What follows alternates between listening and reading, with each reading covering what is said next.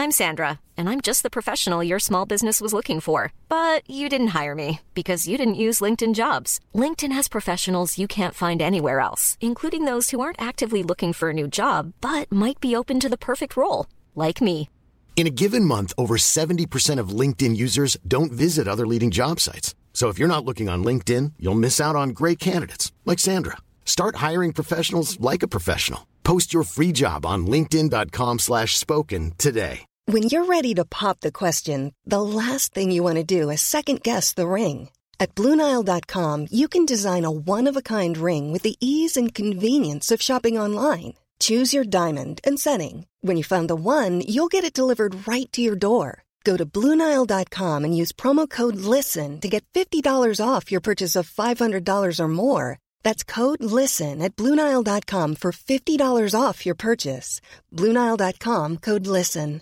Hello, this is Danny Pellegrino, host of the Everything Iconic podcast, and I'm here to tell you all about Splash Refresher because hydration is mandatory, but boring is not. Now, I love my water, but if I don't spice it up, I'm not going to finish what I took out of the fridge. That's why I love my Splash Refresher, which is flavorful, delicious, bright, hydrating, and zero calories. The wild berry flavor is my fave.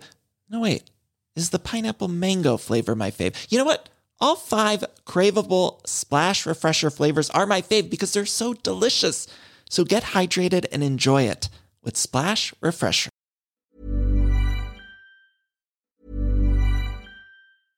Hey, I'm Ryan Reynolds. At Mint Mobile, we like to do the opposite of what Big Wireless does. They charge you a lot, we charge you a little. So naturally, when they announced they'd be raising their prices due to inflation, we decided to deflate our prices due to not hating you. That's right. We're cutting the price of Mint Unlimited from $30 a month to just $15 a month. Give it a try at mintmobile.com slash switch. $45 upfront for three months plus taxes and fees. Promo rate for new customers for limited time. Unlimited more than 40 gigabytes per month. Slows. Full terms at mintmobile.com. Hiring for your small business? If you're not looking for professionals on LinkedIn, you're looking in the wrong place. That's like looking for your car keys in a fish tank. LinkedIn helps you hire professionals you can't find anywhere else, even those who aren't actively searching for a new job but might be open to the perfect role. In a given month, over 70% of LinkedIn users don't even visit other leading job sites. So start looking in the right place. With LinkedIn, you can hire professionals like a professional. Post your free job on linkedin.com slash spoken today.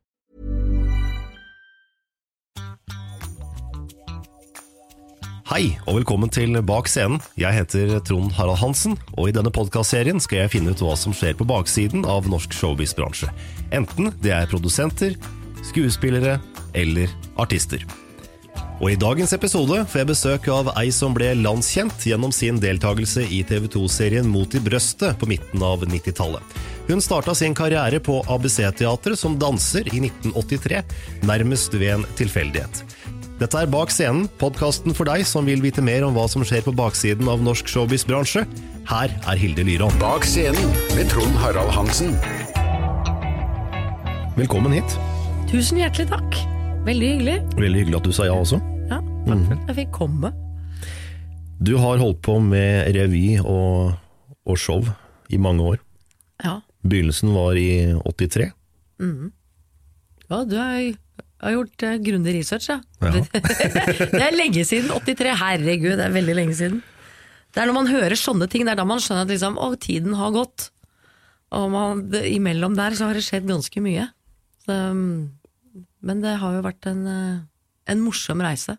Det har vært veldig Jeg har vært heldig uh, på mange måter. Jeg har vært, kommet borti mange uh, Altså mye folk som har vært villige til å være med og, og støtte og backe øh, og gi gode råd på veien. Og det er jo det som gjør at man har klart å utvikle seg og liksom holde på så lenge. For det var ikke noe, altså Jeg begynte jo å jobbe som danser øh, i revy og musikal og sånn, og det er ikke gitt at man skal klare å, å gå fra å være danser til å kunne gjøre andre ting. Og frilansdansere, de holder jo Altså På operaen så er de jo pensjonert når de er 42. Eh, det er ikke gitt at du kan holde på så lenge som danser hvis du jobber som frilanser. Eh, da vil de gjerne ha liksom litt yngre folk. Så det var jo ikke sjelden jeg gikk rundt og tenkte på hva jeg skulle bli da jeg ble stor. Det, det, det, det begynte, liksom, begynte å nærme meg 30. Det, herregud, jeg må jo hva skal jeg gjøre videre? Og jeg har alltid hatt lyst til å gjøre mer enn å danse. Jeg har liksom vært interessert i teater og sang eh, bestandig. Men så kom det en telefon fra Tore Ryen, da. De holdt på med Mot i brøstet. Mm. Jeg hadde nesten ikke fulgt med på det heller, så jeg visste jo ikke så mye om hva, hva det var. Jeg hadde fått med meg en halv episode eller noe sånt, tror jeg. jeg jobber på kvelden, vet du. Får jo aldri sett noen ting. Det Jeg får er- ikke fulgt med på hva som skjer. Og det var vel også Jeg hadde vel kanskje en sånn gammel sånn VHS-spiller så jeg kunne ta opp ting på, men det glemte jeg jo alltid før jeg dro på jobb, så jeg fikk jo aldri med meg noen ting. Men vi hørte vel en del snakk om eh, Trine da, før vi egentlig så henne. Ja, jeg skjønte, det var derfor de, de hadde vel holdt på med det såpass lenge at de fant ut at det, var- det er vel på tide at hun kommer inn snart. For det, nå begynner vel folk å lure på hvem denne Trine er. Og så tror jeg de hadde holdt på en stund med liksom Skal vi gjøre, skal vi ikke, og hvem skal vi få inn, og Så nå, nå er, jeg vet Jeg har fremdeles ikke skjønt helt hvem det var som kom på den uh, veldig lure ideen at det skulle ringe meg. Uh, jeg tror det var uh, Nils og Sven som hadde snakket om dette her. Jeg, hadde, jeg kjente jo Sven litt fra før, hadde jobbet litt med Nils i forbindelse med noen sånn radioreklamer og noen sånn eh, smågreier vi hadde holdt på med der. Så jeg tror det var de som eh, foreslo eh, at de skulle ringe meg. Jeg trodde jo det var bare sånn for en episode eller to, jeg, som en sånn gjestrolle. Men Det ble det Tore, ikke. Tore hadde andre planer, det er jeg jo veldig glad for, da. Hvordan var det å gjøre entré der da? Dette var jo en, en serie som var veldig etablert Ja, allerede. Uh, ja og det er, det er sånn skrekk blant fryd, altså, å hoppe inn i et sånt univers. Uh, for de hadde jo holdt på da jeg tror jeg var kom inn i episode 60. Eller altså det som ble, det ble ikke sendt som episode 60, men det var den dagen de tok opp episode 60. Eh, og det var en dobbeltepisode òg. Vi skulle gjøre to episoder. Og det, og det, det er ganske mye jobb. Eh, det var jo én episode hver uke. Uh, ett manus, men da skulle vi plutselig gjøre to manus og to episoder den eh, mandagen. Det er Så det var, ganske, det var dobbel jobb, på en måte.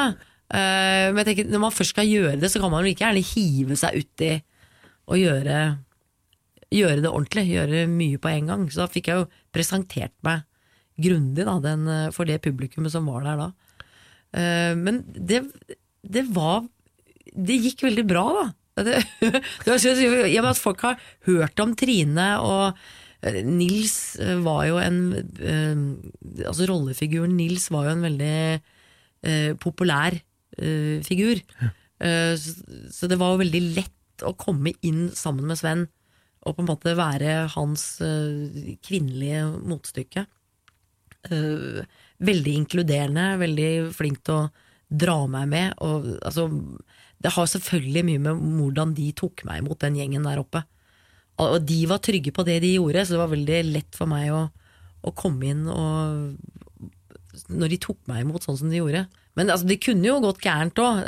Vi hadde, har jo alltid hatt masse gjesteskuespill og sånne ting der oppe, og det er ikke, det er ikke gitt at alle er komfortable med den formen å jobbe, da. Nei. Det er lite prøvetid, og det er jo som å ha en forestilling, for det satt jo 300 mennesker jeg tror jeg, ja, Det må ha vært omkring 300 mennesker. De hadde jo svær tribune. For det var jo med, Folk tror kanskje det er sånn klappemaskin de holder på med på sånne humorting, men her var det fullt publikum, så det var nesten som å være på teater og ha en forestilling.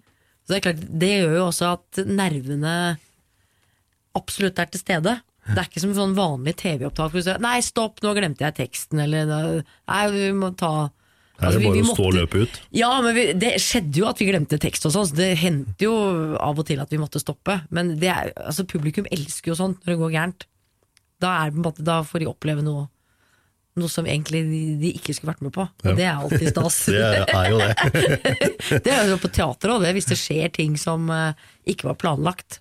Det er jo nesten morsommere enn enn det som er planlagt noen ganger. Ja, det, var, det var jo som du sa en uh, dobbeltepisode. Dere skulle på Ja. middag hjemme hos uh, mor og far. Ja. Helge Reis var jo far, jeg husker ikke hvem som var mor. Men, Det var uh, Bente Børsund, tror jeg. Det var eh, Nei, det, altså, selve entreen min, det var jo sånn eh, Altså Nils uh, de luxe, ikke sant. Inn av døra.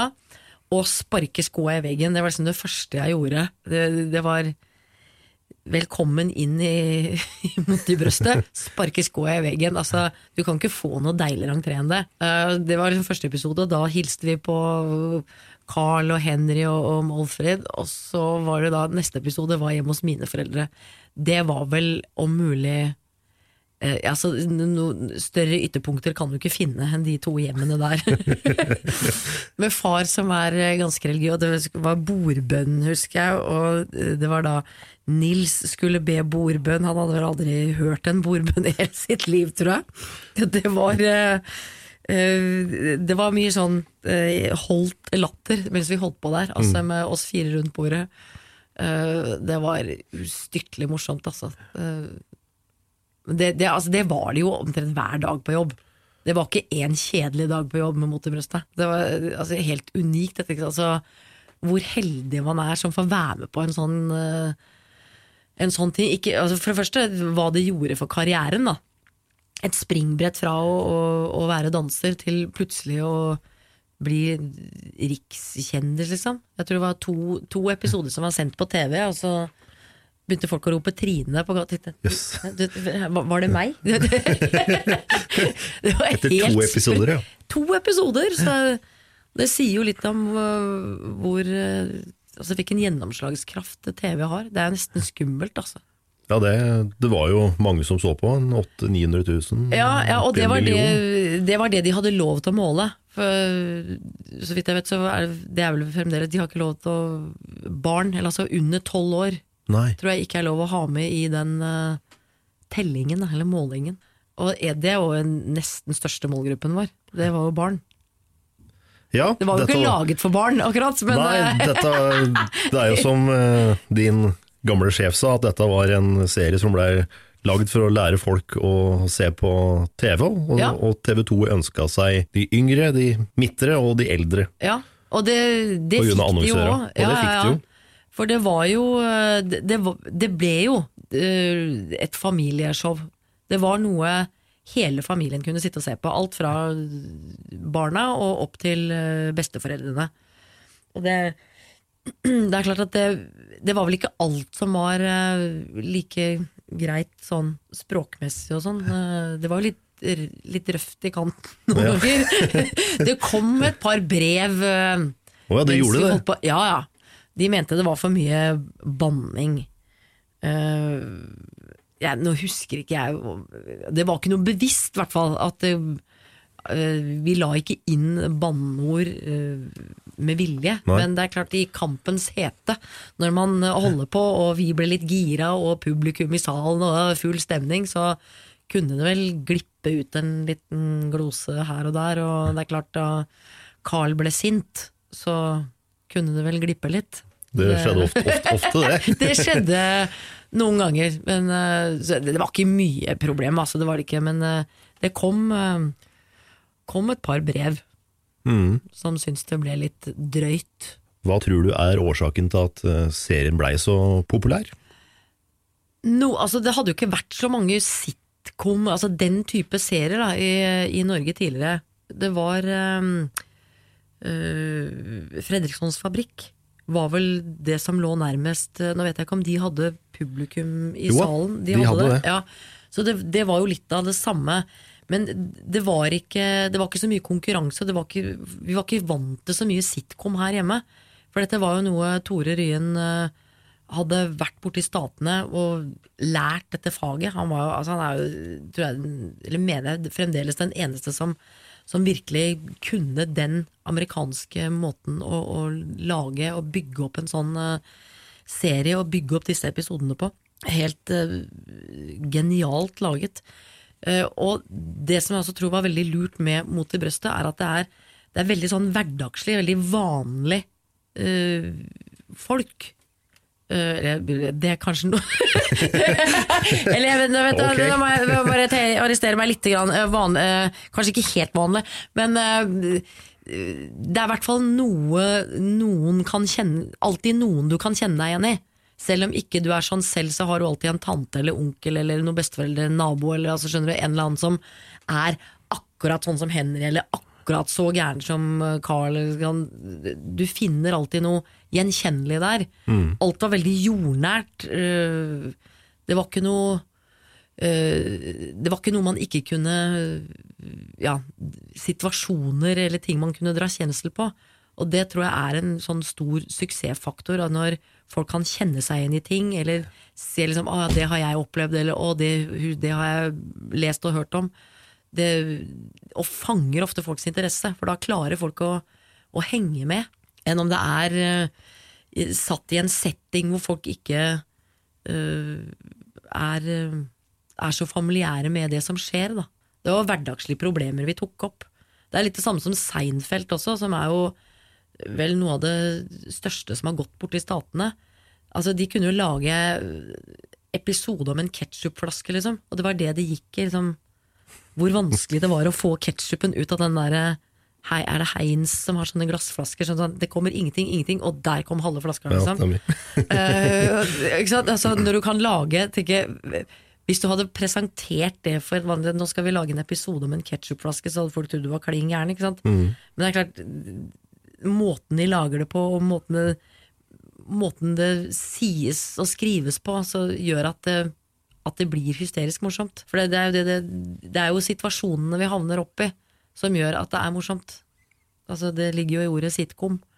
Og så er det vel ålreit å bare leke òg, og få ut en hel haug av det du har, eh, Mm. Herregud, det er jo det inne. som det, det, altså, det, Å komme på jobb, så sitter vi rundt bordet og leser manus og sitter og ler, og du, du bare merker allerede da at dette, dette blir nok en, eh, Ålreit en morsom, morsom uke på jobb. Ja. uh, og så tenker man sånn, altså, herregud så privilegert man er, som kan sitte og holde på med dette her og, og kalle det en jobb.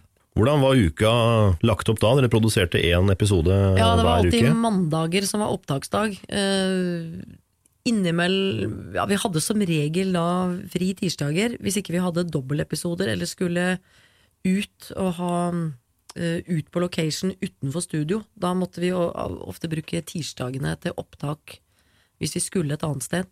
Eller så var det onsdag, torsdag, fredag. Uh, onsdagene kom manus, og så leseprøve rundt bordet, og så var det inn i studio. Og alt er jo lagt opp. Disse rommene lå jo på rekke og rad. Og det er klart, når man etter hvert har gjort ganske mange episoder, så ble det jo litt eh, ble, ne- Vi fikk nesten faste plasser i sofaen og sånn, ikke sant. Ja, ja, men da, altså, vi neste, da sitter jeg her, da, og så ja, da setter jeg meg her. Så, og rundt kjøkkenbord også. Det var, det var nesten faste plasser, så det, det, det gikk jo litt av seg selv. Men uken gikk med da til prøver, litt sånn prøve og feile og finne ut av ting. Og, og så brukte vi helgen da til å pugge tekst. Kom på mandag og hadde kameraprøver, for da kom liksom hele teknisk stab inn. Så hele dagen gikk med da til kameraprøver, og så hadde vi generalprøve på ettermiddagen, og publikum inn i salen og full gjennomgang da. Og etter opptak så satt vi ute i Det var et sånt svært sånn område uti der, sånn publikumsområde, hvor vi satt og skrev autografer og tok bilder og Det gikk gjerne en halvtime, tre kvarter der òg. Så det ble lange dager de mandagene, altså. Det der eh, signeringsrommet det blei vel laga etter at eh, publikum tidligere var, var inne i sjølve stua Ja, og stjal med seg ja det var det. som var. Ja, for det, ja, det, jeg tror de begynte altså, Som sagt, de holdt jo på i mange episoder før eh, Men da tror jeg de satt inne i stua der og skrev eh, Men det fant de ut etter hvert at det kunne de ikke. For det, og så med en gang vi var ferdig med opptak, så kom jo folk fra staben og sto eh, sto vakt, rett og slett, altså foran hele dekken, så folk ikke skulle gå inn i dekken. For det, det var et eh, Problem. problem etter hvert. At det ble så populært. Og det var jo ofte de fikk telefoner også på kontoret der, sa de sånn Hvor er den sofaen til Carl kjøpt hen, for sånn sofa skal jeg ha. Det, det var eh, mange som ville Som ville innrede stua til Carl. Ryen han var jo her i, eh, i fjor, og han Ja. sa det at det var en som hadde ringt han, og det var nå i nyere tid, ringt han og spurt etter sofaen, for han skulle flytte på han skulle flytte på hybel. Og han ville skulle ha den sofaen? Og ville ha mot i brøstet-sofaen. Nå vet jeg ikke om de fins lenger. Det tror jeg Eh, ikke. Da Det- tror jeg du må på Finn eventuelt, på Finn, og, ja. og finne en eller annen sånn uh, gammel sak. For det var jo Det var jo veldig 80-tallssofa. Det var litt sånn furugreier og noe rødt og- blomstrete med stopp og sånn. Så det, jeg tror ikke det fins så mange av de Det er ikke lenger. mange som vil ha det i dag heller. Nei, det tror jeg heller ikke. Mulig det, det er sikkert noen på Finn som har et eller annet stående i en garasje eller på et loft. Så det Bare å lete. Men den sofaen tror jeg ikke fins lenger. Nei, den blei ble knust. Den gjorde det. Ja. Ja. Holdt på å si, du, du, fikk jo en, du fikk jo en svigermor som var eh, Svigermor fra helvete. svigermor fra helvete. Og livet var helt fantastisk. Altså Hun ble jo en sånn kultfigur omtrent, hun altså, i Mot i brøstet. den eneste som får applaus hver gang hun viser seg. Hver gang hun kom inn ho, ho, det er bare meg, og det er ute i salen. Ikke sant? Altså, folk bare elsket det. Det er ganske rart. Altså, et menneske som er så grusom, som kan få altså, bli så populær, det er utrolig morsomt. Altså. Og med de der løyelige hattene. Altså, er sånn der utrolig corny hatt hun alltid hadde. Selv inne satt hun med hatt. Ja, for hun ville ikke vise seg for publikum uten hatt. Nei, for det, det var på Altså, det var Edna, det. Nei, El, Edna? Nei, Elna. Elna. Elna. Edna, nå blander jeg med noe annet. Elna. Nei, det, Elna var hatt. Hatt og den veska som hun alltid satt med i fanget. Og litt mer ålreit etter en liten klunk likør. Eh, det ble straks mye hyggeligere. Og særlig hvis Henry var hjemme. Henry hadde jo alltid en liten likør på lur. Han var ikke så veldig glad i Elna, da. Det ble jo litt, eh, spesielt da etter et par eh, glass med likør, så ble det jo veldig, veldig mye mas. Mm. Så hun var, nei gud a meg, hun var gæren altså. Men vi hadde det, det var jo ikke få latterkramper i studio opp gjennom eh, de årene der, altså. Vi prøvde liksom å le fra oss mens vi holdt på med prøver, da. Men det, det datt jo ut litt noen ganger på opptak òg. Jeg ser jo det. Det er jo, det er jo, et, det er jo et par episoder her hvor, hvor spesielt du får skikkelig anfall. Hvor jeg ser du sitter Du, du kjemper Ja, for å ikke men jeg er jo ikke god på å holde meg alvorlig heller, hvis det skjer et eller annet. Og det skal liksom bare en sånn en lite avvik fra det som er planlagt, og så er jeg helt ute, altså. Ofte sånn, Jeg kan ikke se folk i øynene når jeg sitter og snakker med dem, og sånn, for da begynner jeg å le. Så jeg er helt håpløs sånn, altså. Men, eh, men det er jo morsomt. Det, er jo, det ødelegger jo ikke noe. Det gjør ikke det. Det blir jo bare mer Eh, stemning. Ja, det skaper stemning, så det, men det er jo ikke det. Vi prøvde jo ikke bevisst å, å, å le, eller komme på flir. Det, det skjedde helt Det bare ble. Det bare ble sånn. Vi prøvde virkelig å, å holde oss i skinnet, altså. Men det var ikke like lett. Det blei jo også utgitt en del sånne spin-off-effekter til den der serien her. Jeg vet ikke, Det er kanskje fremdeles populært, men eh, det var jo mye greier. Altså sånn T-skjorter og kopper og masse sånne ting Mm. som solgte bra. Så det Det er også heller ikke lett å få tak i en på Finn i dag, Nei, det er kanskje ikke det. Nei, jeg har klart å finne noen T-skjorter, og jeg har klart å finne Ja. en caps og to Jeg tror det var Krus, krus. Ja, ja. det var krus, var det ikke det? Ja. Og så de hadde sånne buttons. Tror jeg de, kanskje ikke med bilder, men i hvert fall altså selve logoen. da Altså Mot i brøstet-logoen. Mener jeg det var sånne, sånne store buttons. Nei, jeg husker det var en del Jeg lurer på om vi lagde kortstokk òg, jeg. Hvis ikke Det blei jo mye, da. Skoledagbok, du fikk eget potetgull. Jo, Jo, Ja, mm, altså- Eh, Sven og jeg hadde Han hadde den gode, da. Han fikk potetgull. Eh, jeg hadde peanøttringer.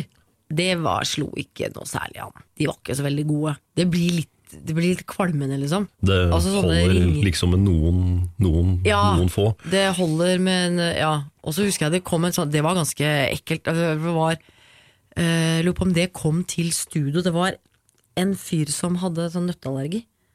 Som hadde spist dette her. Eh, folk trodde det var noen da trodde det var sånn potetgullringer. Uh, når det ligger i en skål, så ser det vel kanskje sånn ut. Da. Så han eh, havna jo på sykehus, og det var jo ordentlig alvorlige greier. Så det ble litt sånn Ja, det er ikke noe Da kom det brev, hyggelig, husker jeg, til, eh, til studio. Men det står jo ganske greit utapå. Eller det sto På jo posen står det jo det, Mm. eh, og eh, nå for tiden er de jo veldig nøye på, på det her. Altså, det fins jo nesten ikke en meny på hvor ikke du liksom en det er jo et eget kart over eh, alt det inneholder, og Mm. Hva som er farlig, hva som er er- allergener og alt det hva man kaller det. Så det Men det er jo bra, det. For det, det kan jo være skikkelig ille. Ja ja, herregud, det kan jo være livsfarlig. Ja, Så det men det, nei, men det potetgullet til altså Nils potetgull, det tror jeg det slo ganske godt an, altså. Ja, han prata på x antall eh, kilo. Han, eh, Ja. ja, det var, det var mye, altså.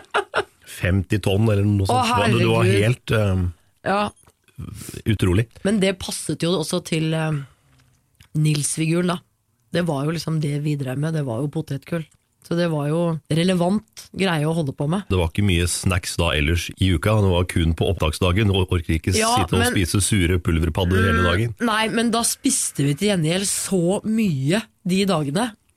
Altså, for, I og med at vi da hadde sånn eh, kameraprøver, altså hele dagen sånn fra ett frem til fem, halv seks, jeg husker ikke når denne generalprøven var. Og så sier du, dere trenger ikke spise nå, altså. Men alt sto jo der. Klart på bordet. Det var seimen, det var cola, det var potetgull, det altså, det var jo så mye greier. Og når det står der, så sitter du ikke bare og later som. Du gjør ikke det, vet du. Altså, da spiste vi, for å si det sånn. Selvfølgelig. Vi kom hjem på mandag, og jeg var så kvalm noen ganger at jeg, Nå blir jeg dårlig. Altså, du, du holdt på med bamsemums og seimen og potetgull og, det, og drikker cola liksom, gjennom hele dagen. Og det er klart, fordi dette her blir brukt i, eh, altså på opptak, så kom det jo fra Det kom jo mineralvann, så det sto jo kassevis i studio som de brukte. Det, det klart, altså, da vi var på prøve, så kom det jo potetgull og sjokolade og cola på bordet da òg. Så vi spiste jo av og til gjennom uka. Så at ikke jeg la på meg mer enn det jeg gjorde, var jo et under. Trente mye, da. Man må vel det. Ja. Nei, nei, nei, jeg har alltid, i og med at jeg har bakgrunn som danser, så har jeg alltid likt å trene. Eh, begynte å turne da jeg var syv-åtte år eller noe sånt, og fortsatte å danse. Så trening har jo vært sånn naturlig del av, av livet bestandig. Så det var ikke noe det var ikke sånn at det var noe ork å trene. Jeg er heldigvis sånn at jeg, jeg liker å trene, faktisk. Tro det eller ei. Ja, men også, også hvis en skal klare å stå på scenen kveld etter kveld og være, og være aktiv, så kreves det vel en eh, Ja, det viss gjør jo det. kondisjon? Altså, selv etter at jeg ble, øh, begynte å jobbe mer som skuespiller, så har jeg gjort mye øh, Eller det har jo ofte vært sånn revy, show, musikaler. Og det er jo mye dans der òg. Så jeg har jo ikke, jeg har ikke sluttet helt å danse. Det er klart jeg har jo ikke beina bak øra, gjør jo ikke tre piruetter lenger og sånn. Nei. Men det er veldig fysiske forestillinger av og til. Og det er mye mer behagelig da å være litt i form. Det vil jeg tro. Å bare komme rett fra sofaen og skulle inn og, og danse og synge. Det, det gjør det hele mye, mye mer tungvint. Mm. Men du var jo med og jobba med Arve Oppsal da på slutten av hans eh, karriere, da. Ja, Og da var han jo sliten, han var jo sliten i serien nå. Men han skulle jo liksom være med. altså Arve var jo Nå var jeg så heldig å få jobbe med Jeg kjente Arve faktisk før jeg kom i, inn i Mot i brøstet. Ja. For den gang jeg jobbet uh, som danser på Chat Noir og uh, Chateau Neuf og ABC-teater og sånn, så var jeg med i to av Frøland-revyene, hvor Arve og alltid var med. Så jeg jobbet jo med han i to, to revyer. Hadde, det, det, vi holdt jo på lenge når vi først eh, dro i gang. Det var på den tiden man kunne ha premiere i september, og så spilte vi til 17. mai. Eh, til og med mellom jul og nyttår. Ja. Det var helt, jeg tror vi, den ene Frøland-revyen tror jeg vi spilte 230 forestillinger. 240 forestillinger. Altså Da var vi så lei at vi holdt på å kaste opp på slutten. Altså. Men det, den altså, hvor privilegert man var som hadde jobb så lenge. Vi var jo frilansere og visste jo aldri fra sesong til sesong hva vi hadde å gjøre, eller hvor mye vi hadde å gjøre. Eh, Men da var jo Arve der, og Arve var alltid så utrolig uh, hyggelig. Veldig flink til å ta seg av danserne, uh, være positiv, komme med tips og råd. Vi, det hendte jo Frøland brukte mye danserne også til uh, sånne småroller. Hvis han skulle ha noen til å komme inn og si en replikk, eller være med å synge litt solo og sånne ting. Arve var alltid der og backa og støtta og ga tips. Altså, han var også et sånn unikum når det gjelder eh, anekdoter og historie om revy og teater. Altså, han hadde så mye morsomme ting å fortelle. Så det var jo det var ikke så mye kjedelige øyeblikk rundt eh, Arve heller. Og han var jo en sånn sirkushest. Eh, Så det er klart, selv om han var sliten på slutten, og hadde jo mye trøbbel med benet sitt, han måtte jo amputere en tå og senere mer av benet, hadde mye vondt. Han var på jobb, stilte på jobb, altså var proff til fingerspissen. Og var, eh, altså han var bare et sånn eventyr å, å få jobbe med. Og jeg tenker sånn, så heldig man har vært å få være med å oppleve den, eh, den delen av norsk eh, teater og underholdning. Så han var en sånn stayer. Altså han, jeg, han var ikke interessert i å sette seg til som pensjonist. Det var ikke noe tilværelse som passa for Arve. Nei, det er vel rart med det, hvis du har vært aktiv hele livet og plutselig bare slå seg ned. Så ja, blir og, det, det, og det, altså, han har ikke bare vært litt aktiv heller. Altså, han hadde vel nesten ikke en fridag eh, i løpet av året når han ikke var på teatret. Eh, så hadde han jo strøjobber over hele Norge. Han reiste jo rundt og, og ja, altså, Det er vel det folk i dag kaller å dra på eventer, liksom. Jobbe på eventer. Men han var jo overalt. Og han var jo så sjenerøs uh, som person. Én ting er å øse liksom, kunnskap og uh, backe og hjelpe, men også sånn eh, husker han fortalte det er jo ikke alle som har like god råd når det gjelder å, å, å lønne eh, artister som kommer. Det er jo mindre steder som kanskje ikke har så mye penger. Og, de ringer og spør «Å, hva skal du ha for å gjøre en sånn, sånn Å nei, det ble litt dyrt. Og, og da var det sånn Ja, hva har du råd til å betale, da? Og så gjorde han det for den prisen. Han stilte opp. det er jo uh, Det er ikke sånn han fantastisk. Her, altså, ja. Og det var Arve i et eh, nøtteskall, altså.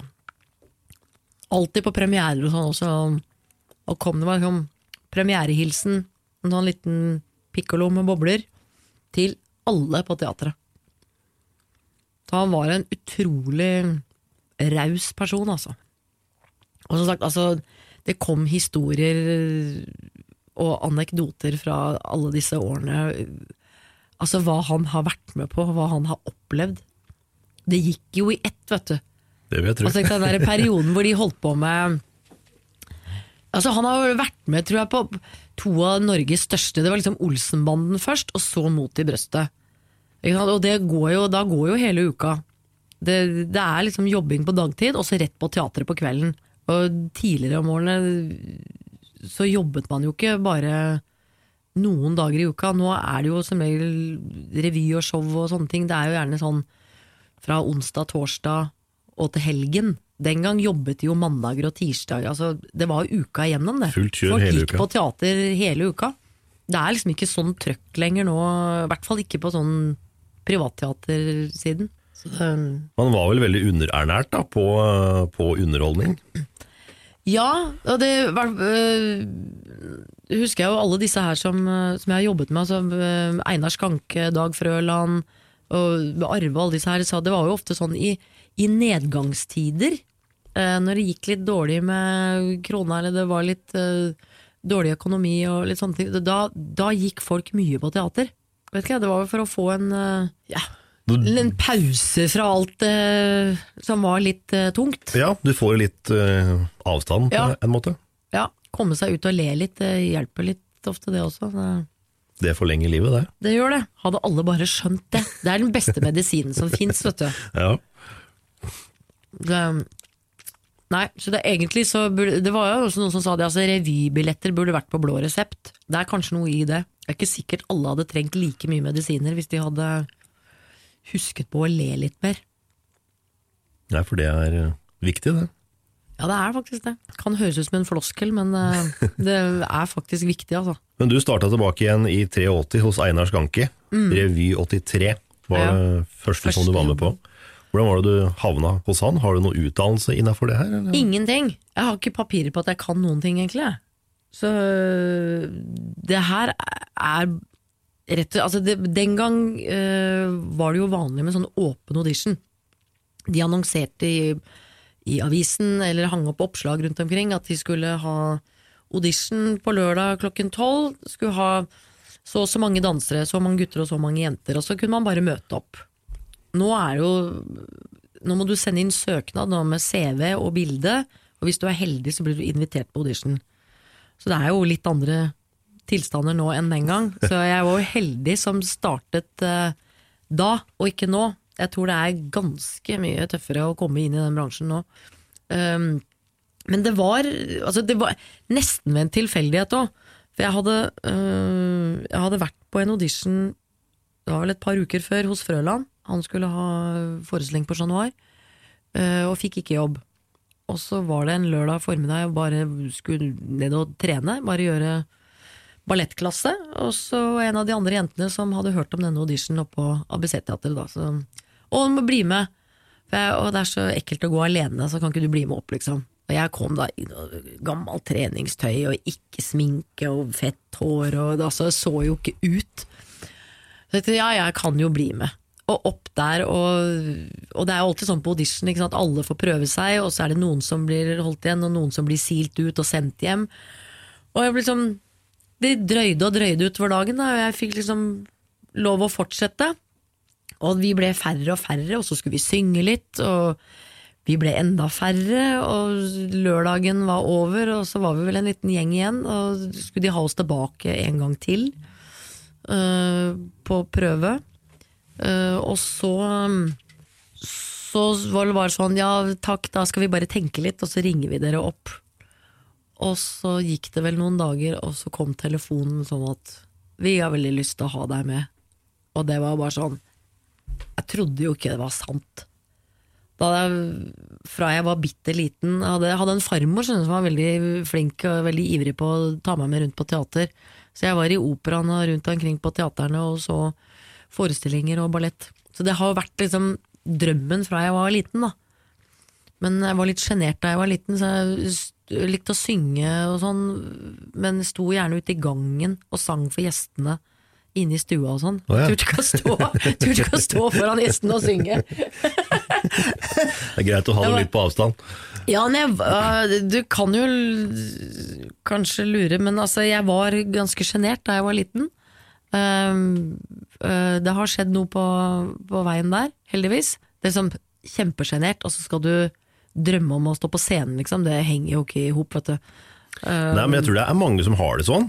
At man er, man er kanskje litt eh, Ja. inneslutta, litt sjenert, men ønsker å, allikevel å gjøre noe. Da. Og da spesielt på en scene hvor du kanskje Ja. kan Du fremstår jo som noen andre på et vis, da. Ja, du, du kan dekke deg litt bak at du er noe annet enn øh, enn- en det du er. Men det har jo alltid vært øh, redd for å liksom snakke høyt i forsamlinger og på skolen og sånn. Liksom, jeg det var Satt og kvia meg lenge for å liksom rekke opp hånda og svare på spørsmål i timen, og skulle det være høytlesning, og det var sånn 'Hilde, du kan lese', var sånn 'Å nei'. Så, altså, jeg jeg synes det var så pinlig. Så hvordan jeg liksom klarte å surre meg inn i, i denne bransjen, det kan du lure på. Det, men det var den der drømmen, da. Med, det var jo dans, da, selvfølgelig, som, eh, som var eh, sto øverst på ønskelista da jeg var liten. Men eh, det gikk jo veldig fort fra Altså, jeg sier jo bare å danse, det er jo ikke bare, men jeg hadde lyst til å liksom utforske andre ting også. Begynne å synge og snakke. Men det er klart, altså Jeg burde vel kanskje den gang prøvd å søke teaterskolen og sånn. Eh, jeg søkte Balletthøgskolen et par ganger, men de ville ha meg til å søke pedagoglinjen. Men eh, det var ikke aktuelt. Jeg, kommer aldri til å jobbe som pedagog, så jeg kunne vits i. Så da droppa jeg det. Men eh, jeg var jo noe heldig og fikk jobb hos Einar, da, og etter det så har det på en måte rulla godt i, i ett. Så jeg har jo bare vært kjempeheldig. Du hoppa da fra ABC til Chat Noir. Eller først, eh, ja, første år Altså etter eh, ABC-teatret så var det ett år eh, for, Året etter så fikk jeg jobb hos Frøland. Eh, og da var vi på Chateau Neuf Ja. med noe som het Slottstappet. Svær forestilling. Med 14 dansere og 17 manns orkester og sånn. Altså det var helt eh, Det var de som henta inn fra USA? Var det Nei, det? var året før. Det var da jeg ikke fikk jobb. Akkurat. Det var, ja, det var da vi holdt på med Einar oppe på BC-teatret i 83. Det var da dere Da- hadde opp eh, store dere, had, dere var vel fire stykker på scenen, var det ikke det? Ja. Og så var det store speil bak, Ja, så det så ut som det skulle se hel ut som vi var en hel haug.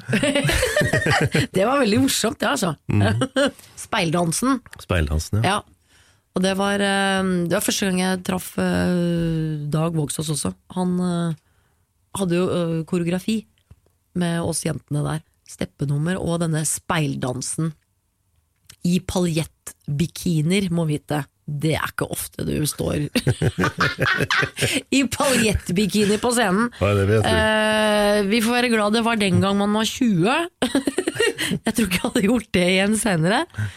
Men, eh, nei, men det gikk i hvert fall derfra og, uh, til Frøland, uh, på Chateau Neuf først. Og så fikk jeg jobb året etter der igjen også med Frølandet. Da var jeg på Chat Noir. Så det var første gang jeg var på Chat Noir, i 85. Det, det gikk slag i slag. Da, det er liksom de privatteaterne jeg har stort sett holdt på med hele tiden. Så jeg frem og tilbake mellom Chateau Neuf, ABC og Chat Noir i elleve år. Før jeg ja, jobbet som danser i elleve år, liksom, før Mot i brøstet dukka opp. Hvordan er den overgangen å spille fra scene til eh, en Det blir jo en slags mindre scene, da, men inni et studio og foran et publikum som er så mye mer Altså, nært? ja, I og med at vi hadde publikum i salen, så ble det jo litt teaterfeeling på det. Uh, og vi hadde jo um, altså Selv om vi var i et studio og spilte kan du, altså Når du er på teater, så skal du jo helst prøve å ikke stå med ryggen til publikum, og du skal spille ut mot publikum. Men det ble jo litt det samme her, og i og med at alle kameraene øh, sto plassert sånn at vi så Det var ikke det at vi tok inn publikum så veldig, øh, for det var jo ikke, det var et spill mellom oss. Så det, ikke, det er ikke sånn på revy at du står og ser på publikum når du spiller.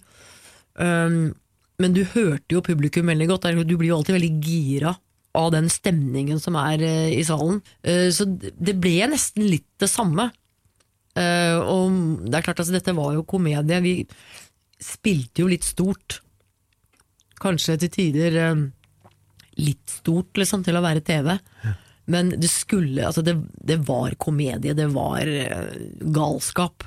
Så man kunne liksom være litt uh, brei. Så det var ikke noe sånn veldig Veldig overgang, egentlig. Da hadde jeg også vært Jeg var heldig for på den tiden jeg jobbet med Frøland, så gjorde han en del eh, eh, sånn lørdagsunderholdningsprogram oppe i NRK. Uh, og brukte alltid dansere. Så vi hadde jeg tror det var to-tre anledninger. Vi var der oppe også og gjorde eh, Gjorde sånne svære, sånn timelange sånne lørdagsunderholdninger. Altså, de, de lager jo ikke sånne programmer lenger. Nei, det er helt slutt på det. Uh, ja.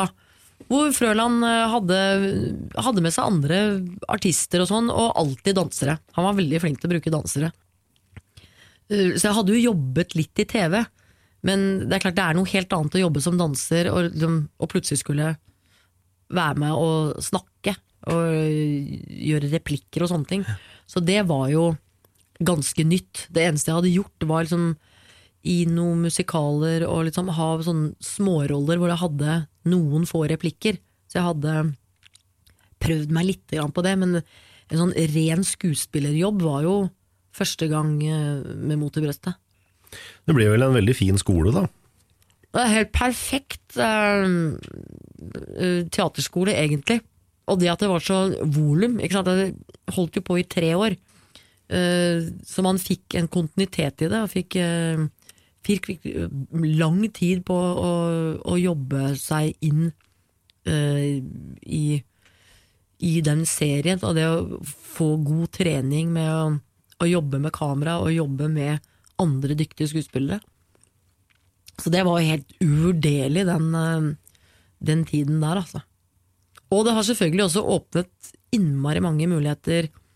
Det er nå engang sånn når man får et navn og et tryne som har vært på skjermen, så er det litt lettere å få, få andre jobber også.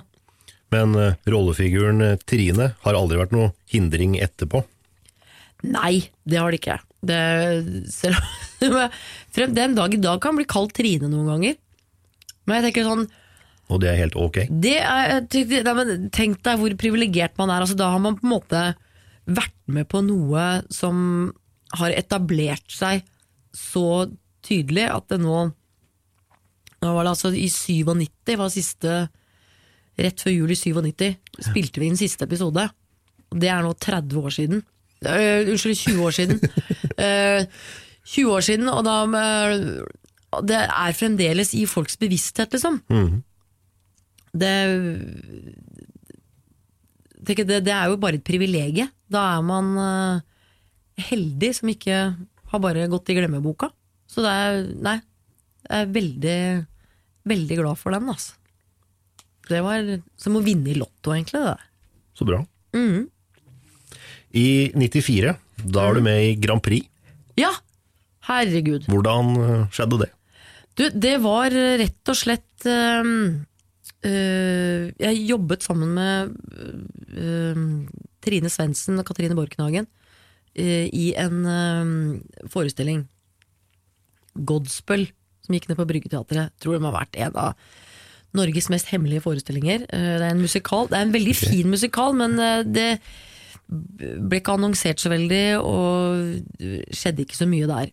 Um, og så skjedde det at vi trivdes godt sammen, og fant ut at vi skulle jobbe litt sammen. Så kom vi i kontakt med eh, Katrine og jeg jobbet altså året etter der i, i Hair, eh, som også gikk på Bryggeteatret.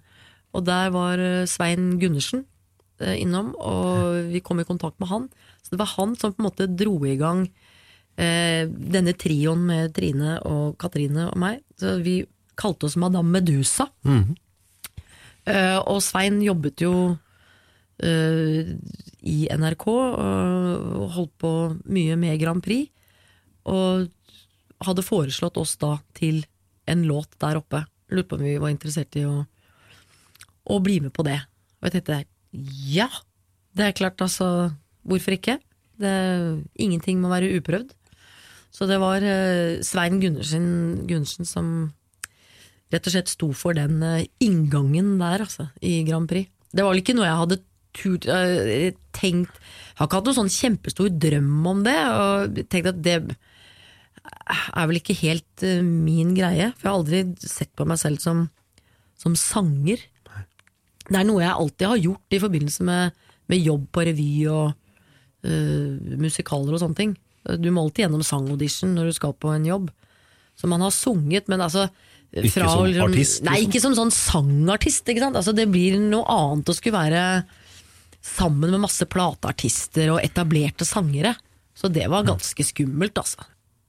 Fryktelig skummelt. Men uh, det var en veldig morsom greie å være med på. Uh, vi kom på fjerdeplass, så det var ikke så gærent. Nei. Det var det året Bettan og Werner vant. Så det, nei, det var veldig morsomt. I lange paljettkjoler og det var Nei, det var Vi var med på mye gøy da. altså. Rød, gul og blå. Blå, ja. Ja, sånn turkisblå. Mm. Jeg satt og så på dette i stad, skjønner du. så sånn liten Er det sånn oppladning. guilty pleasure? ja. Nei, jeg er ikke så Grand Prix-fan, altså. Nei. Det er jeg ikke. Eh, Etter at Mot i brøstet er ferdig, så Mhm. gjør du og Brede Bø mye sammen. ja. Herregud, det var gøy, det. Altså, vi traff hverandre første gang i øh, 94. Det var første gang vi jobbet sammen øh, på ABC-teatret. Det var første forestillingen Tom Sterri øh, dro i gang etter at han overtok ABC-teatret. Festrevy for Norge. Så det var første gang jeg traff Brede. Og da husker jeg vi møtte hverandre i forbindelse med et, no, noe annet. Altså rett før på sommeren, før vi skulle begynne prøver på høsten. Vi skulle være med sammen uh, på et sted. Et, sånn, morgen, morgen, hei Brede, hei Hilde, og hadde kjent hverandre i fem minutter, og så begynte den tonen oss imellom, akkurat sånn som vi har fortsatt etterpå. Og du og din dust, altså sånn på det nivået der, ikke sant. Uh, og det var jo ofte Det, det bare utarta seg mer og mer. Men det er, jo, det er jo noen få som liksom har den kjemien, Ja, da. og at, det eh, var bare det, som sagt, fem minutter, og så bare pang, der satt den. Og vi hadde jo så mye uh, mange felles ting. Vi hadde begge mistet uh, moren vår eh, året før. eh, med bare fire ukers mellomrom. Oh, ja. Så vi var liksom begge inn i ja, Traff hverandre der. Og det, flere sånne ting som liksom De bare Ja, alt matcha så bra, liksom. Og så var det bare en tone som var der som jeg tenker sånn, det, det tror jeg er sånn én gang i livet at du møter en, eh, en kollega som du får en sånn match med. For det, det er ikke noe du bare kan uh, opparbeide eller uh, passe til. Det, Nei, du klarer liksom ikke skape den. Nei, enten så er det der, eller så er det Og det, jeg har hatt fantastiske kollegaer opp igjennom både før og etterpå, altså det er ikke det, men det er en sånn spesiell greie. En sånn kjemi som øh, er altså Vi kjente hverandre så godt til slutt at vi trengte ikke å si noe. Da Brede kom inn på jobb, eller så kunne jeg bare se ok, vi er der i dag, ja, fint. Ok. Eh, så han var sammen med meg. Så det er ikke alle man har en sånn greie med. Det er ikke det. Og det kan gå lang, lang tid mellom hver gang vi snakker med hverandre, og så plutselig så ringes vi igjen, og så er det bare sånn der vi slapp sist. Men det her starta på scene, og så ble det TV-show etterpå, i form av Hilde og Brede-show. Ja, for det som var rart, altså Vi jobbet jo da sammen på alle de revyene til Tom. Som var festrevy, og så var det uh, Typisk norsk. Lene Live og Damenes aften. Det var fire revyer vi holdt på med. Og, eh, og midt inni der også eh, Kom som du er, en farse som gikk på Vi jobbet sammen i fem forestillinger uten egentlig å gjøre noe eh, veldig mye altså, Vi gjorde aldri et nummer sammen, vi to. Uh, helt pussig, egentlig. Uh, så det var vel nærmest vi to som tvang oss på. Nå hadde vi lyst til å gjøre noe sammen, så det ble sommershow nede i Sandefjord, på Park Hotel i Sandefjord. Det var oss to og fire musikere, og det slo jo veldig godt an. Så da, året etter, så hadde vi sånn miniturné i Moss og Fredrikstad. Og så ble det Hilde og Brede-show på TV. Det er innspilt det- for Chat Noir, ikke? Ja, og det er også med publikum i salen. Så det ble jo en sånn blanding av uh, live og, og VB. Altså sånn videoinnslag. For det spilte vi jo inn masse sånn Vi hadde tror jeg, tre forskjellige figurer hver som vi lagde sånne små videosnutter av. Og det ble spilt av for publikum i salen da, på, på Chat Noir. Så det Vi hadde én runde først i Var det 2001 vi spilte inn den her? Den ble vel da sluppet i 2002, eller sendt i 2002, tror jeg. Og så hadde vi en runde i 2006 igjen. Det hadde liksom gått noen år imellom, og så lagde vi en ny runde. Publikum. Det er mange som er redd publikum, og så er det andre som elsker dem. Nei, publikum er jo de vi lever av.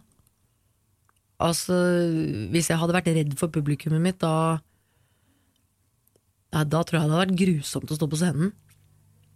Nei, jeg er utrolig glad i publikum, og veldig Aldri engstelig før eh, Jo, og jo, jo, jo, men det handler ikke om at jeg er redd for publikum. Eller jeg tenker sånn, Hva er det verste de kan gjøre? De kan la være å klappe. Eller kanskje de kan begynne å bue hvis det er riktig ille, liksom. mm, Helt skandale. Men det er ingen som kommer opp på scenen og slår det. Altså Håper jeg, da, i hvert fall. Uh, så det er jo Men uh, nerver har man jo alltid. Uh, og en sånn spent følelse. Og det skal man ha. Eh, hadde jeg ikke hatt det, så hadde jeg blitt nervøs for at jeg ikke hadde hatt de nervene. Eh, for hvis ikke du har det, så betyr det ingenting. Da går jeg Og på da- rutine. Ja, og da vane. gjør man ikke en god jobb, Nei. tror jeg. Hvis du bare går inn og tenker sånn, ja, ja, vi gjør som vi pleier, og så går av seg sjøl. Det, det, det tror jeg det er, det er ikke noen god følelse. Nei. Så den eh, Jeg håper jeg slipper den. Jeg tenker Da tror jeg jeg begynner med noe annet, hvis, eh, hvis jeg får den følelsen. Eh, så jeg er alltid det, det er ikke, Jeg er ikke jeg er ikke livredd jeg er eh, når jeg går inn på scenen. Det er klart Når du har gjort en forestilling 50 ganger, så har du ikke sånne nerver som du har på en premiere. Uh, Men det er alltid en sånn spent spesielt hvis du da har en egen låt, en egen monolog. Altså, det, det er alltid noe i en forestilling som betyr mer, eller som er mer krevende å gjøre enn andre ting. Og det er alltid sånn du kjenner sånn uh, litt sug i maven når du skal inn og gjøre akkurat det nummeret. Og, alt, og spesielt, men sånn som det uh, Hilde og Breder-show, og for så vidt også Mot i brøstet, ikke sant, som det, er, det er jo en, en ny ting hver gang du går på, så det blir jo som en premiere hver gang du Ja, går på en ny episode. Og det er ganske Det er sånn nervepirrende. Altså gode nerver. Det er ikke det, Et par ganger har jeg hatt sånne nerver hvor liksom du ikke kjenner bena dine når du går inn på scenen og sånn. Det er ikke noe gøy. Nei, det høres ikke Eh, og det er da jeg liksom Faktisk første gang jeg skulle gjøre Hilde og Brede-show i Sandefjord, da sto vi jo på scenen alene. Det var innmari rart, for Brede hadde da gjort uh, one man-show i Moss.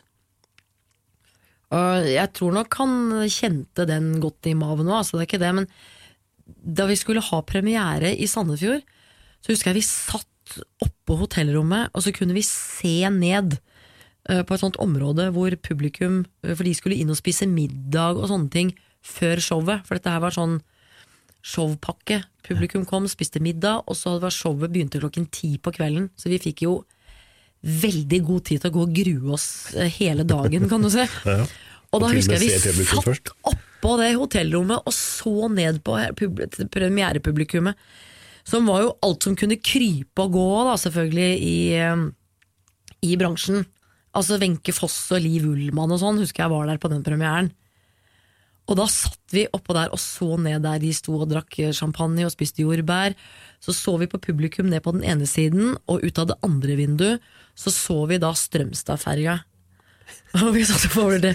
Tenk om vi hadde satt oss på Strømstadferja nå, og bare for, altså, Da var vi så livredde begge to at vi holdt på å kaste opp, altså. Vi var så nervøse. Og det Sånn nervøs har jeg faktisk aldri vært før eller siden. Men alle de forestillingene var vi Selv om det da hadde gått bra Vi, vi fikk terningkast fem i alle aviser og sånn. Det var helt fantastiske kritikker og kjempestemning. Men vi var vi var så nervøse hver gang vi skulle gå på. Holdt på en hel sommer i tre eller fire uker eller noe sånt. Jeg skjønner ikke hva det var for noe. Det, det, det, var, det var liksom bare oss to, da. Alt sto og falt på oss, ikke sant. Og det, Er det sånn da at hvis én blir nervøs, så smitter det over? ja, det gjør det jo. Men, øh, også fordi vi da etter hvert Vi ble så tette, ikke sant. Det, det den ene kjente, det kjente den andre også. Vi var som et sånn gammelt ektepar som man kunne se på hverandre. Sånn, og så skjønner du hvor den andre er hen. Så det er klart, det, det smitter jo veldig. Når vi sitter i garderoben, eller da oppå et hotellrom, som vi satt og Satt der i tre timer da, og ventet på å få gå ned. Ja, det var, åh, gud, det var grusomt, Ja, det altså. hørtes ja. Men uh, hver kveld da vi, altså, Idet vi kommer på scenen og setter i gang, så går det Det var det De timene i forkant som var, uh, som var så heftig. Det har heldigvis gått seg til litt etter hvert, men det, det var for mitt vedkommende så var det første gang eh, alene på scenen liksom, med bare én kollega. Alle de, alle de andre forestillingene vi hadde gjort, var jo i et større ensemble på Chat Noir og ABC-teatret. Da var vi gjerne et ensemble på 12-13 stykker. Med flere skuespillere og dansere, sangere. Så vi var flere om å dra lasset. Her sto vi mutters aleine på scenen, vi to. Med et lite sånn stumt, en stumtjener hver med en hatt og en veske og i bukse og skjorte, og det var det. Det var veldig nakent, veldig bare oss to og publikum. Vi satt på scenen hele tiden. Eh, men det var for så vidt en god greie. Når du først er på scenen og kommer i gang, så går det jo alltid bra. Da slipper jo nervene etter hvert. Men eh, de timene sånn på formiddagen å gå og vente Nei, guri malla, det var eh, Det var nervepirrende greier, altså. Som sagt, altså, jeg er veldig glad for at jeg har nerver og liksom kjenner det i kroppen når jeg skal ha forestilling. For det gjør jo at man skjerper seg mye mer og øh, yter det lille ekstra. For man vil aldri skuffe, man vil jo ikke gjøre en dårlig jobb. Du vil jo alltid være på topp og øh, være den beste utgaven av deg selv. Eh, nettopp fordi det betyr noe. Um, men uh, det der å være redd for publikum, det var jo ikke det er, altså det, det er jo reaksjonen man kan bli litt redd for. Da. At ikke, det er klart, Et sånn type show, det, det var jo et humorshow. Uh, og det er jo en komikers uh, største skrekk, er jo at folk ikke skal le. Så det er jo det man er redd for eventuelt, da. Men uh, Det var det jeg mente òg. ja. Ikke redd for men- angrep. Nei, nei, nei. Skjønte det. Men publi, de er jo ikke, de er jo ikke ondsinnet, liksom. De er jo der for å se på deg, og de er der for Ja. å ha det gøy, liksom. Og de har kommet fordi de vil se oss. Uh, og det må man jo huske på.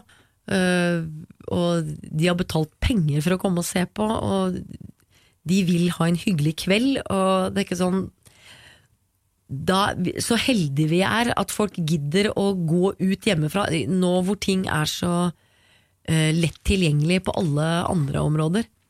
Ikke sant? På sosiale medier, du kan sitte og se ting på TV, du kan, altså, du kan få alt hjemme, hjemme i stua. Du trenger nesten ikke å gå ut lenger for å, å få med deg noen ting. Uh, det eneste du ikke får er da live underholdning.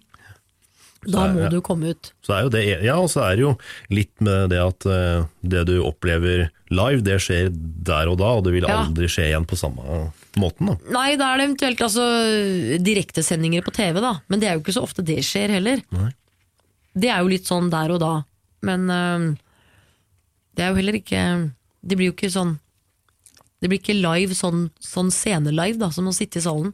Og så er det noe spesielt med det å sitte i en sal, det vet man jo selv også. Når du sitter der sammen med mange hundre mennesker. Sitte der og oppleve noe sammen, og le sammen. Det blir jo en helt egen stemning av det. ja. Absolutt. Det er samme som å se film på kino kontra å sitte hjemme i stua og se på det, liksom. Selv om du har en kjempediger flatskjerm. Det blir ikke det samme. Gjør ikke det? Det er noe med en sånn Sånn eh, suggererende effekt ikke sant? som er når det sitter masse folk sammen og ser en ting. Det er en helt egen stemning, altså. Og det tenker jeg, Så privilegert man er som får være med å oppleve det. For når det da er stemning, og folk ler og hoier og klapper, så er det jo ingenting som er mm, mer berusende. Altså Det er jo derfor man gjør dette her. Det er jo, man kan være så nervøs man vil, og så står man der på slutten av en forestilling, og, og publikum klapper og jubler og kanskje reiser seg. ikke sant? Jeg tenker sånn, Er det mulig å være så heldig? Tenk om alle hadde hatt det sånn da, når de gikk hjem fra jobben. At alle kollegaene, eller alle er jo, «Hei!» Stående applaus liksom, hver gang du gikk hjem fra jobben. Ja. Det er jo ikke mange andre som får oppleve det. Nei, det blir jo ikke det. Det har jeg faktisk ikke, Så jeg tenker sånn, Tenk deg hvor privilegerte og heldige vi er som får det hver eneste gang vi går på jobb. Helt utrolig. Det er bare å nyte. Ja, men altså, man blir jo veldig ydmyk av det òg, da. For det er ikke noe selvfølge at det skjer. Nei. Så det er bare Nei, jeg er ikke, jeg er ikke redd for publikum mitt, jeg er veldig glad for dem. Jeg kan være veldig spent på hva de syns, selvfølgelig. Men um, Og syns det er veldig kjedelig hvis ikke de liker det, og ikke ler. Hvis de, meningen var at vi skulle le. Men jeg er veldig takknemlig, og veldig ydmyk for, for at folk gidder å komme og se det jeg er med på. På slutten av 90-tallet, eller begynnelsen av 2000 kanskje, år 2000, så er du med i julekalenderen på TV 2. Sammen med Med Vazelina. Vazelina. Å herregud, det var gøy det. Det var også en sånn galskap-greie. Da hadde jeg akkurat født han yngste sønnen min i august. Og øh, det var Arne Lintner Næss som skulle ha regi på dette her. Og Da var vi ute og feire 40-årsdagen til Tom Sterry. Uh, sønnen min er født 3. august, og dette her var 14. august. Vi var og feira, spiste lunsj hos uh, Tom. Uh, så kommer Arne bort etterpå og sier Hilde, dette er skikkelig dårlig timing. Jeg vet det, jeg bare må spørre deg nå. Kunne du tenke deg, sammen med Vazelina, å være med i den? Vi legger til rette sånn at du liksom får færrest mulig opptaksdager, og vi samler det sånn og legger til rette, så liksom Tror du det kan gå? Det er sånn Ja, det, altså jeg kunne ikke Kunne jo ikke si nei til det. En sånn mulighet. Jeg måtte bare hjem og spørre Spørre eksen da sånn Er det Lar det seg gjøre? Det, ja, det, altså vi var enige om det at det, jeg kunne ikke la den muligheten gå fra meg. For det, altså den rollen er bare Det var liksom den kvinnelige hovedrollen, da. Sånn oppi dette mannegalskapen. Det var eh, Det tror jeg er noe av det morsomste jeg har vært med på. Altså De gutta er jo klin gærne. Og hele konseptet var jo fantastisk. Så den første opptaksdagen min, det var vel seks uker etter at jeg fødte. Eh, og da var svigermor eh, satt hjemme og var barnevakt. Eh, men jeg var jo på jobb fra halv åtte om morgenen til fem på ettermiddagen. Og når du har en seks uker gammel baby, så er det mye melkeproduksjon. Så jeg hadde jo sånn, sånn pupper oppunder haka omtrent på slutten av dagen da vi holdt på, og drev og pumpa melk. Og, for jeg måtte jo ha mat da, til dette barnet, eh, så jeg hadde hjemme. hjemme. Så jeg satt og pumpa, så jeg hadde jo det lille kjøleskapet de hadde på kontoret, liksom, til litt sånn, det var liksom fullt av sånne flasker med morsmelk som jeg hadde pumpa. som jeg satt så jeg, Unnskyld meg, jeg må bare låne det, det, det, det må holdes kaldt til jeg kommer hjem. Og så, og så jeg har jeg sett på ettertid eh, Hun hadde jo veldig mye sånn utringa greier og mye sånn løfta og ting. Og jeg ser jo selv at dette her er på slutten av dagen, for da ser jeg at det er altså, sånn melk så jeg har pupper nesten oppunder haka. Det ser utrolig corny ut. Men um, jeg angrer jo ikke på det. Nei. Det var uh, tøft de dagene det sto på, som sagt fra halv åtte til fem. Uh, og litt sånn i ammetåke og sånn som man er eh, etter en fødsel. Og jeg som hadde bestemt meg da etter nummer én Nei, for nummer to, nå skal jeg bare gå hjem et helt år og ta det med ro og ha mammapermisjon. Not. Rett i årets Rett i julekalender. årets. Så jeg tror det var eh, seks uker, tror jeg, på dagen, seks uker etter at jeg fødte. Første opptaksdag. Altså, og inn i de kostymene. Det var liksom sånn lakkbukser og trange drakter. og Rosa det, plysj, og det var liksom ja, ikke det var, måte på. det, var bare, det var rosa. Alt var rosa. Men det var altså, herregud, det var jo bare et eventyr. Det var altså så morsomt.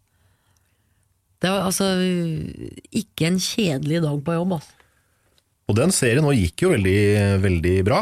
Ja, kjempebra. Altså, de har vel sendt den i reprise en tre-fire ganger også, tror jeg, etterpå. Ja, Tror det.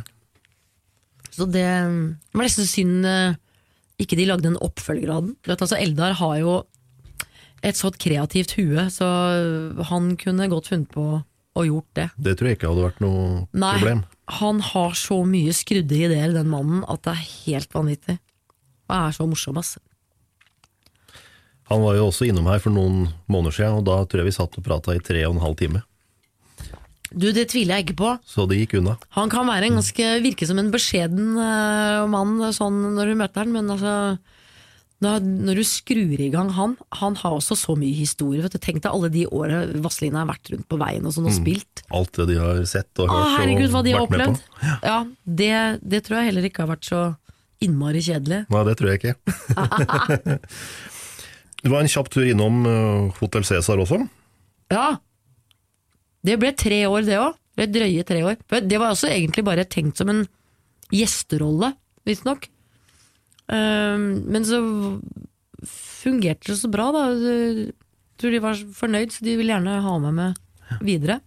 Du er person nummer 32 som er innom her nå. Ja, Og uh, det er veldig mange av de som har vært innom, som også har vært innom Cæsar i enten større eller mindre Ja. grad. Så det er mange altså, som har Det vært med der. begynner å bli altså Det ble jo veldig mange etter hvert. Altså, da jeg kom inn der, så tror jeg var det De hadde 400 og et eller annet skuespillere som hadde vært innom. Det er jo, Det er jo helt, Nå er det jo eh, mange skuespillere i Norge, da, det er ikke det, men eh, det er jo helt rått. Mm. For det er jo mange som er der over lengre tid. Men det er klart de holdt på Hvor lenge ble det da? 18 år eller noe sånt? Eh, Det er jo en del episoder. 3000 og et eller annet kom det vel opp i. Så det er klart det, det er mye folk som skal innom der òg. Det blir det, altså. Men det har jo også vært en utrolig bra skole.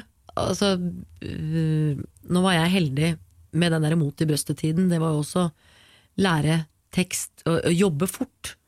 Um, på teater så bruker man jo flere uker sant, på å øh, prøve inn en, en forestilling. I TV så er det ikke alltid like, like mye tid. Eller man, man har ikke mulighet til det.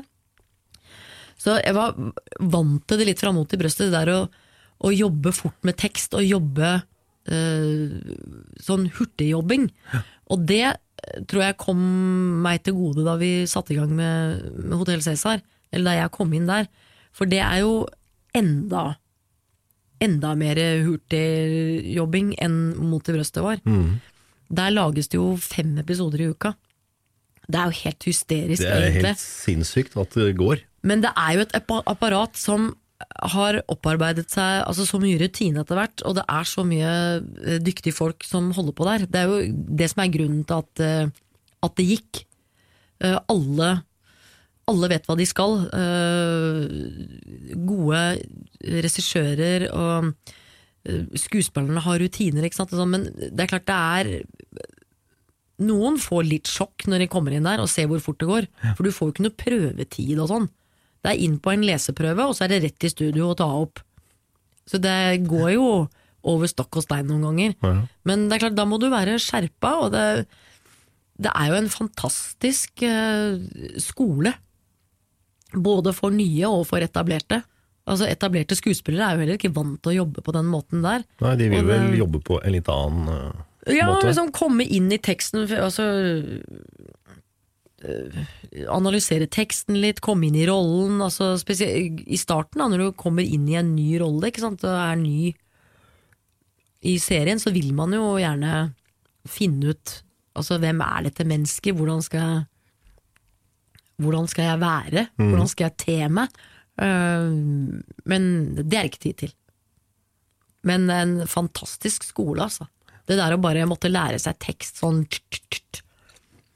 Du fikk jo av og til eh, Fordi man holder på de eh, fem episoder av gangen den uka, men mens man er i studio og spiller inn de fem episodene den uka, så driver man med leseprøver for det man skal gjøre uken etter.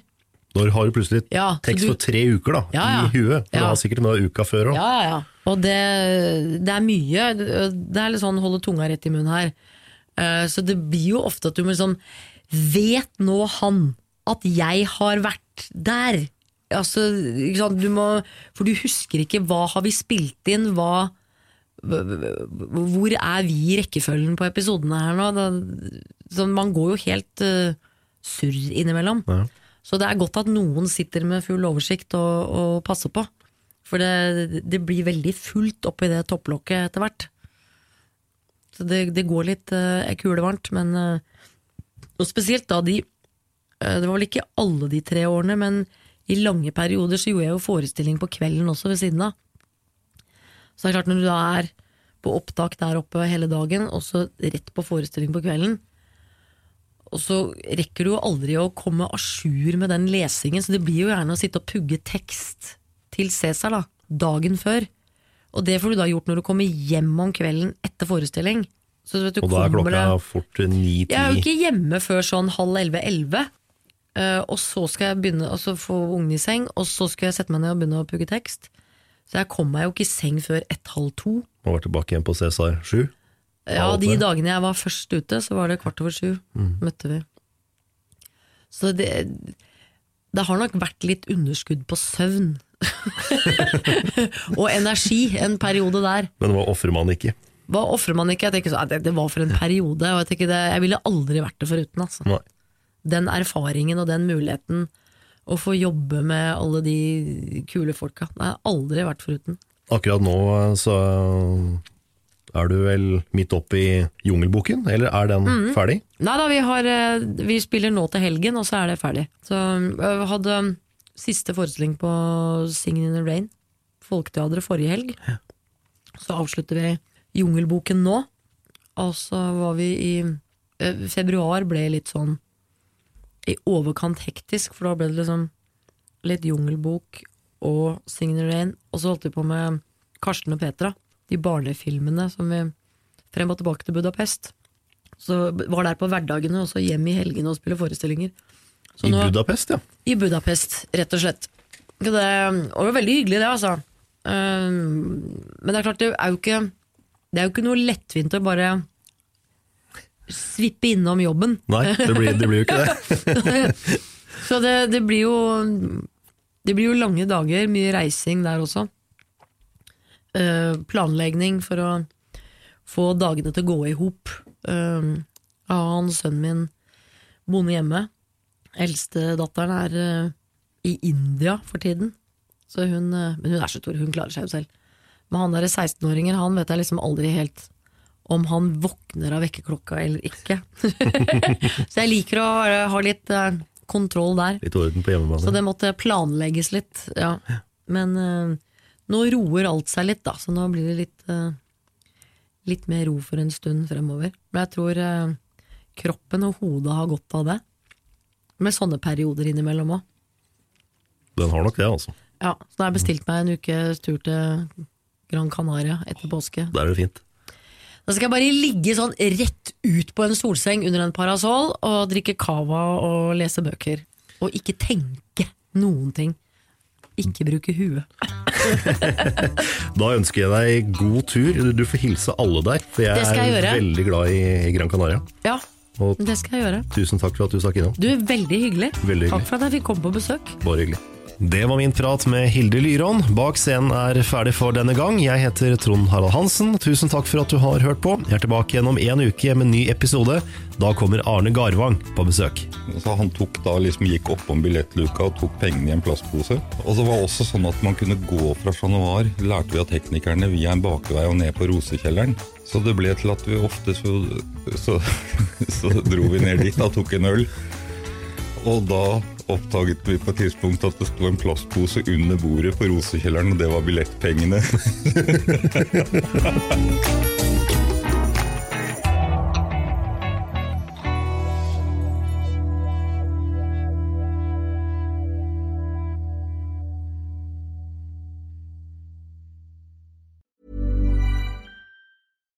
Hello, this is Danny Pellegrino, host of the Everything Iconic podcast, and I'm here to tell you all about Splash Refresher because hydration is mandatory, but boring is not.